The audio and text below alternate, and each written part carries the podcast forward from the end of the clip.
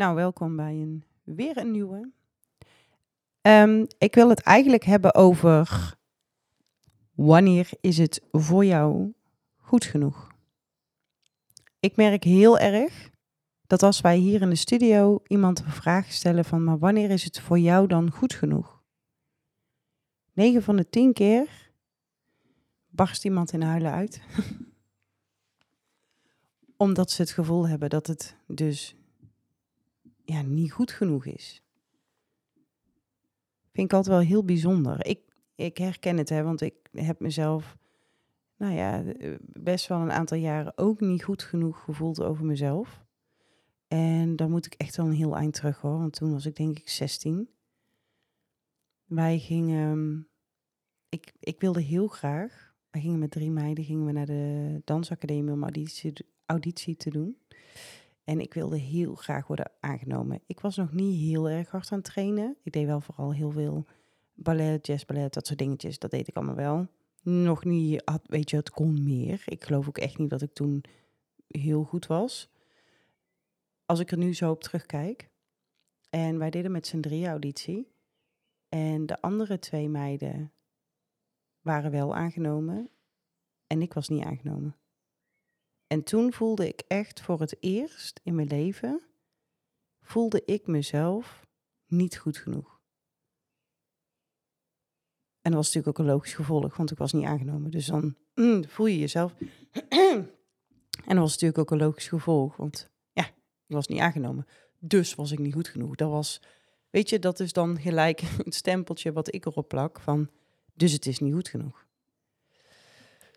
En het jaar daarna heb ik, ik heb gewoon dat jaar heel hard getraind. Ik ging naar elke klassieke balletles, elke moderne jazz, alles, alles ging ik doen om maar wel mijn doel te halen. Mijn doel was om balletdocent te worden. Ik heb nooit de, nooit de ambitie gehad om op het podium te staan, om ja, echt bij het Nationaal Ballet, daar was ik gewoon ook niet goed genoeg voor. En dan had ik ook niet de juiste, hoe zeg je dat, met lichamelijke, eh, mijn benen tekort. En nou ja, goed, daar, daar was ik gewoon niet voor weggelegd. En dat was ook niet iets wat ik ambieerde, maar wel dat ik uh, balletles kon geven. Daar, ik dacht echt, oh, dat vind ik echt fantastisch om te doen.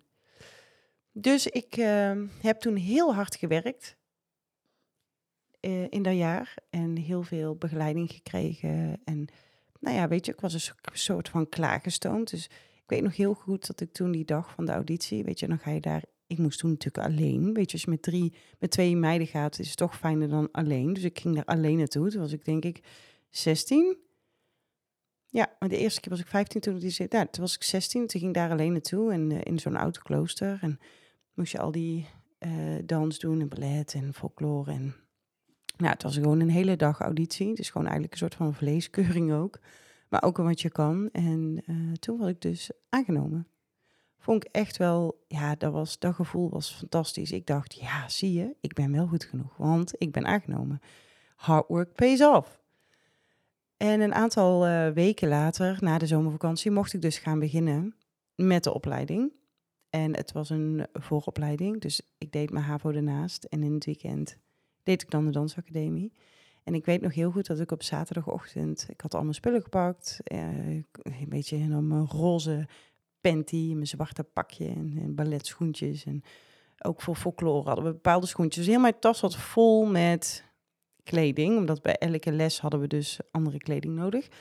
Dus alles, heel mijn tas zat vol en ik ging uh, met de bus naar Tilburg. En ik kwam daar aan en ik was helemaal excited, net als de rest. En ik herken er nog een paar van de auditie, dus daar trek je dan gelijk mee op. En, en we begonnen eigenlijk, en ik, en ik, weet je, in zo'n balletzaal heb je van die hele grote spiegels. En ja, ik, wij stonden dan aan de bar, want zo heet dat. Het is natuurlijk geen bar waar je bier haalt, maar ja, zo'n, hoe zeg je dat, zo'n soort van trapleuning door de hele ruimte heen. Uh, om je aan vast te houden.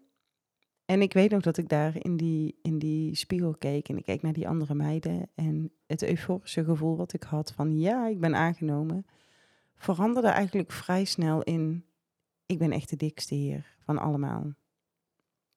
En ik merk dat hij me gewoon nog pijn doet, weet je. Ik, omdat ik mezelf dat heb opgelegd. Ik vond mezelf op dat moment zo klein worden en zo niet de moeite waard. En ik weet nog dat ik thuis kwam en dat mijn moeder echt helemaal enthousiast vroeg: En hoe was het? En dat ik alleen maar kon zeggen: Ik was gewoon de dikste. En toen ben ik naar boven gerend. En ik weet, ik weet nog steeds niet waar het, waar het aan lag. Dat ik dat gevoel zo had. Of, ik weet het gewoon niet. Ik, ik was ook niet heel smal hoor. Dat moet ik wel heel eerlijk zeggen. Ik was gewoon wel voller. Ben ik altijd al geweest. Ehm, maar toen was dat voor mij echt de reden dat ik dacht, oh ja, maar ik ben niet goed genoeg. Dus ik, ik ben nog steeds niet goed genoeg. Ik had zo die bewijsdrang. En ehm, vanuit daar heb ik dus anorexia ontwikkeld. En toen was ik dus op een gegeven moment uh, verre van de dikste in de groep. ik was de meest magere. ik geloof dat ik op een gegeven moment nog maar 46 woog. En mijn drive was zo sterk. Echt gewoon bizar sterk. Dat ik achteraf ook denk van, joh, heb je jezelf allemaal aangedaan? En weet je, anorexia sluipt erin. Hè? Maar als ze elke keer met zo'n meetding, zo'n vetmeter naar je toe komen en zeggen: Ja, dan moet eigenlijk voor het, uh, voor het goede van je, van je gewrichten, van je, van, je, van je enkels, van je knieën, moet er minimaal vijf af. Nou, uiteindelijk gingen er. Toen ik daarheen ging, woog ik iets van 60 of zo, 55, zo nog niet eens zo heel veel. Maar ik woog dus binnen no time 46. Ik at gewoon één appel op een dag en dat was het. En soms uh, niet eens een appel, dan uh, dronk alleen maar thee de hele dag. Maar die periode, dat ik mezelf dus niet goed genoeg voelde, ging zo diep door dat ik echt de grip op mezelf verloor. En ik, achteraf ben ik heel blij dat ik toen zo jong was en dat heb meegemaakt. Want na een jaar of twee ben ik gestopt met die dansacademie. Ik trok die, ik trok die wereld gewoon niet. En ik kreeg op een gegeven moment ook echt wel last van een heftige liesblessure die maar niet overging. En toen dacht ik, wat ben ik aan het doen? waarom ben ik mezelf zo aan het kwellen? Elke dag door. Kijk, je hebt natuurlijk altijd een dialoog met jezelf. Maar als je anorexia hebt, dan... Weet je, op een gegeven moment ging ik gewoon kijken of er calorieën zaten in shampoo. Je bent echt... Ik was echt van het padje. Dat ik dacht, jezus man, weet je, ook dingen die je niet eet. kijken of er calorieën in zitten. Het sloeg helemaal nergens op. En achteraf ben ik blij dat ik die periode ben doorgekomen. Ik heb toen wel therapie gehad en op een gegeven moment viel wel het kwartje, weet je, dat het, het draait niet om die buitenkant. En ik denk dat ik daarom ook doe waarom ik nu doe, dit doe. Omdat het veel meer draait om de binnenkant. Kijk, toen had ik natuurlijk echt, ja, ik woog 46, weet je, er was niks meer van me over. Ik, mijn haar viel uit, ik werd niet meer ongesteld, ik kon alleen maar slapen op de bank. Weet je, er was gewoon echt niks meer van mij over ik heb het daardoor gewoon best wel ver laten komen. En toen ik van die dansacademie afging en de druk bij mij wegviel, kwam er letterlijk ruimte. En ben ik in therapie gegaan en heeft dat eigenlijk er wel voor gezorgd ja, dat ik er wel helemaal van af ben gekomen. Dat ik echt naar mezelf kan kijken, nu ook. En natuurlijk, ik ben iets voller, maar ben ik altijd al geweest. En ik ben gewoon happy met wie ik ben. Ik ben zo gelukkig met wie ik ben, hoe ik eruit zie. Ik zou met niemand willen ruilen. En ik denk dat dat stukje is, toen ik 16 was, dat, dat stukje is de grondlegger geweest van hoe ik nu in het leven sta. En op dat moment voelde dat niet zo. Op dat moment was ik depressief en voelde ik me echt heel ellendig. En heb ik mezelf echt een hele hoop dingen aangedaan. En was ik vaak in paniek. En als ik daar aan terugdenk, word ik daar niet heel blij van. Maar het is achteraf wel een van de mooiste cadeaus geweest die ik heb kunnen krijgen. Want daardoor heb ik dit hier weggezet wat ik hier nu heb. Daarom draait het bij mij ook veel meer om de binnenkant dan om de buitenkant. Jezelf het gevoel geeft dat je niet goed genoeg bent, daar ga je dus ook naar handelen. Maak je andere keuzes, omdat jij het gevoel hebt dat je niet goed genoeg bent. Dat is echt bizar. Het heeft zo'n impact op je hele leven. En tuurlijk heb ik die momenten ook wel eens vaker. Weet je, als het niet goed gaat, of als je je even iets minder voelt, en wij vrouwen hebben daar natuurlijk vaak last van, omdat die hormonen gewoon omhoog en omlaag gaan, kun je je gewoon wel eens afvragen van, ben ik wel goed genoeg? Is wat ik wie ik nu ben, is dat goed genoeg? En de enige die daar antwoord op kan geven, ben jezelf. Je kunt daar buiten jezelf neerleggen, maar dan laat je het van een ander afhangen of jij goed genoeg bent. Jij bent de enige die dat van jezelf kan zeggen en vinden. Het geeft zoveel ruimte als je jezelf goed genoeg gaat vinden. Dat je uit je hoofd gaat en gewoon gaat voelen: het is goed zo. Ik ben leuk. Ik doe ertoe. Ik mag er zijn. En ik hoef mezelf niet te veranderen. En weet je, heel veel mensen denken dan: ja, maar als ik 10 kilo ben afgevallen, dan, dan voel ik me goed genoeg. Dat is echt de grootste onzin die er is. Want als je dadelijk 10 kilo bent afgevallen, dan heb je nog steeds hetzelfde gevoel, ga, alleen gaat het op een ander punt zitten. Weet je, perfectie ga je nooit halen. Tenminste, als, ja, ik denk zo niet eens over mezelf. Ik merk gewoon dat ik ouder word, dat ik grijze haren krijg. En, en die moet ik heel eerlijk zeggen, die laat ik nou ook niet meer verven, want heel vaak heb ik er gewoon geen tijd voor. Dus het heeft voor mij ook geen prioriteit. En denk ik, ja, dan is het resultaat dus af en toe wel grijze haren. Nou, prima. En ook meer rimpels, alles gaat meer hangen. Maar vind ik, me daardoor zelf, vind ik mezelf daardoor minder leuk? Uh, nee. Ik vind mezelf eigenlijk alleen maar leuk horen. Omdat ik toen, toen heb ik zo de bodem geraakt dat ik dacht, dat ga ik nooit meer doen. Zo erg laat ik het nooit meer komen. En dat klinkt misschien heel makkelijk als ik dan zeg, die keuze heb ik toen gemaakt. Maar die keuze heb ik toen echt gemaakt. Ik laat het niet zo ver meer komen. Ik ga mezelf niet meer gek lopen maken. Het heeft natuurlijk ook. Heel veel mensen zeggen: ja, maar ik ben een perfectionist. Dus weet je, het zal nooit goed genoeg zijn. Maar wie heb je daarmee? Daar heb je niemand anders mee dan jezelf. Door die lat zo idioot hoog te leggen. En weet je, mijn lat ligt ook wel hoog. Maar hij ligt niet zo hoog dat ik er niet bij kan. Want dat perfectionisme, als je dat continu tegen jezelf zegt, dat doe je jezelf aan. Het hoeft niet perfect. Het zou echt dodelijk saai zijn als alles perfect zou zijn. Echt waar.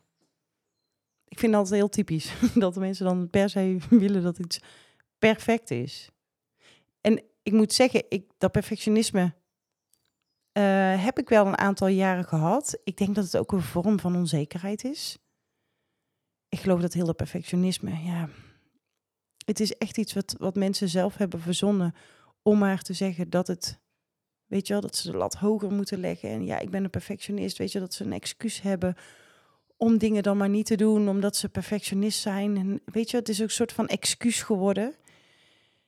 En ik, ik denk dat je jezelf geen groter cadeau kan doen dan, dan dat perfectionisme een beetje los te laten, want het dient je niet. Ja, het heeft een tijdje gediend, natuurlijk. Want je kunt gewoon meer, je kunt hoger springen omdat je de lat hoger legt. Maar op een gegeven moment, op een gegeven moment werkt het gewoon niet meer. En ik heb het perfectionisme wel behoorlijk losgelaten vanaf het moment dat ik mensen heb aangenomen. um, Want ik, kon, ik kan gewoon hier niet alles meer alleen doen. Dat, dat gaat niet. Daar is het gewoon veel te groot voor geworden. En dan moet je dingen uit handen geven. En uit handen geven is denk ik wel een van de lastigste dingen om te doen. Ik weet nog wel dat ik voor het eerst mijn kind wegbracht naar oma om op te passen. Toen was hij denk ik drie weken of zo. In mijn ogen kon niemand het zo goed doen als ik. Slaat helemaal nergens op. Maar dat dacht ik toen wel. En dat is ook een beetje met met het werk hier, dan denk ik, ja, maar ik moet het doen, want, weet je, het, draagt mijn naam en het is mijn toko. Maar nu, nu we dus met veel meer mensen zijn, ligt het niveau vele malen hoger dan dat ik het in mijn eentje zou doen. Dus er is ook gewoon veel meer ruimte voor groei. En het is zo mooi dat je het dus met z'n allen er echt een missie van maakt. En dat is vele malen sterker dan dat je alleen opereert. Maar vanaf het moment dat ik dus mensen aannam, weet je, mensen doen het op een eigen manier. En dat is oké. Het is niet altijd mijn manier. dus als ik dat perfectionisme heel erg had vastgehouden, dan had ik elke dag error gekregen omdat het niet gaat op de manier zoals ik het wil. Dus dat gaat niet. En ik merk dat ik daar wel goed op ga, weet je. Dat ik, sinds ik dat nog meer heb kunnen loslaten, dat er veel meer ruimte ontstaat voor allerlei andere mooie dingen. Dat iemand helemaal kan opbloeien in een team. Dat is echt fantastisch. Maar dat is gewoon het vertrouwen wat je geeft. En dus het idee dat jij het het beste kan loslaat. En dat kan op alle gebieden zijn. Ik heb het dan hier in de studio omdat ik dat makkelijk voorbeeld vind. Maar ik merk wel dat ik op dat moment het perfectionisme echt helemaal heb losgelaten. En ik was al niet zo van de. Ik ben nooit zo van perfect geweest. Weet je, dit is wat het is. En je vindt het leuk of je vindt het niet leuk. Ja, dat da is het. Meer is het niet. Maar het is wel echt belangrijk dat je jezelf de moeite waard vindt. Dat je jezelf goed genoeg vindt. En natuurlijk mag daar een stretch in zijn. Dat je wil groeien, dat je wil leren, dat je anders naar jezelf wil gaan kijken. Natuurlijk, doe ik ook. Vind ik ook echt ook heel leuk om te doen. Ik hou van leren. En ik vind het leuk om steeds een betere versie van mezelf te worden. Maar daar ligt, ik vind mezelf nu al leuk. Dus daar, ik hoef daar verder niks meer voor te kunnen of te leren of beter te kunnen doen. Dat hoeft niet. Alles is er al en dat is goed genoeg. En als je dat gaat voelen en als je dat gaat ervaren, dan ga je dus ook echt andere keuzes maken, krachtigere keuzes. Omdat je dus niet aan jezelf twijfelt. Waarom zou je in godsnaam aan jezelf twijfelen? I don't get it. Echt niet. Ga staan voor wie jij bent en voor wat jij te bieden hebt, ongeacht wat ze vroeger allemaal tegen je zeiden.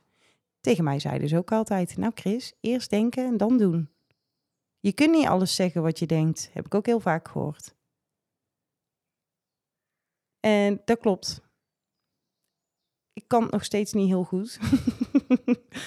ik heb het wel in de jaren proberen natuurlijk wel een beetje aan te passen. Maar dit is ook wel een beetje het aard van het beestje. Dit is wie ik ben. Altijd eerlijk. ik probeer altijd het beste uit iemand te halen. Maar niet altijd met de juiste tact. Kan af en toe echt een olifant zijn in een porseleinen kastje. Maar ja, goed, de boodschap is wel vaak duidelijk.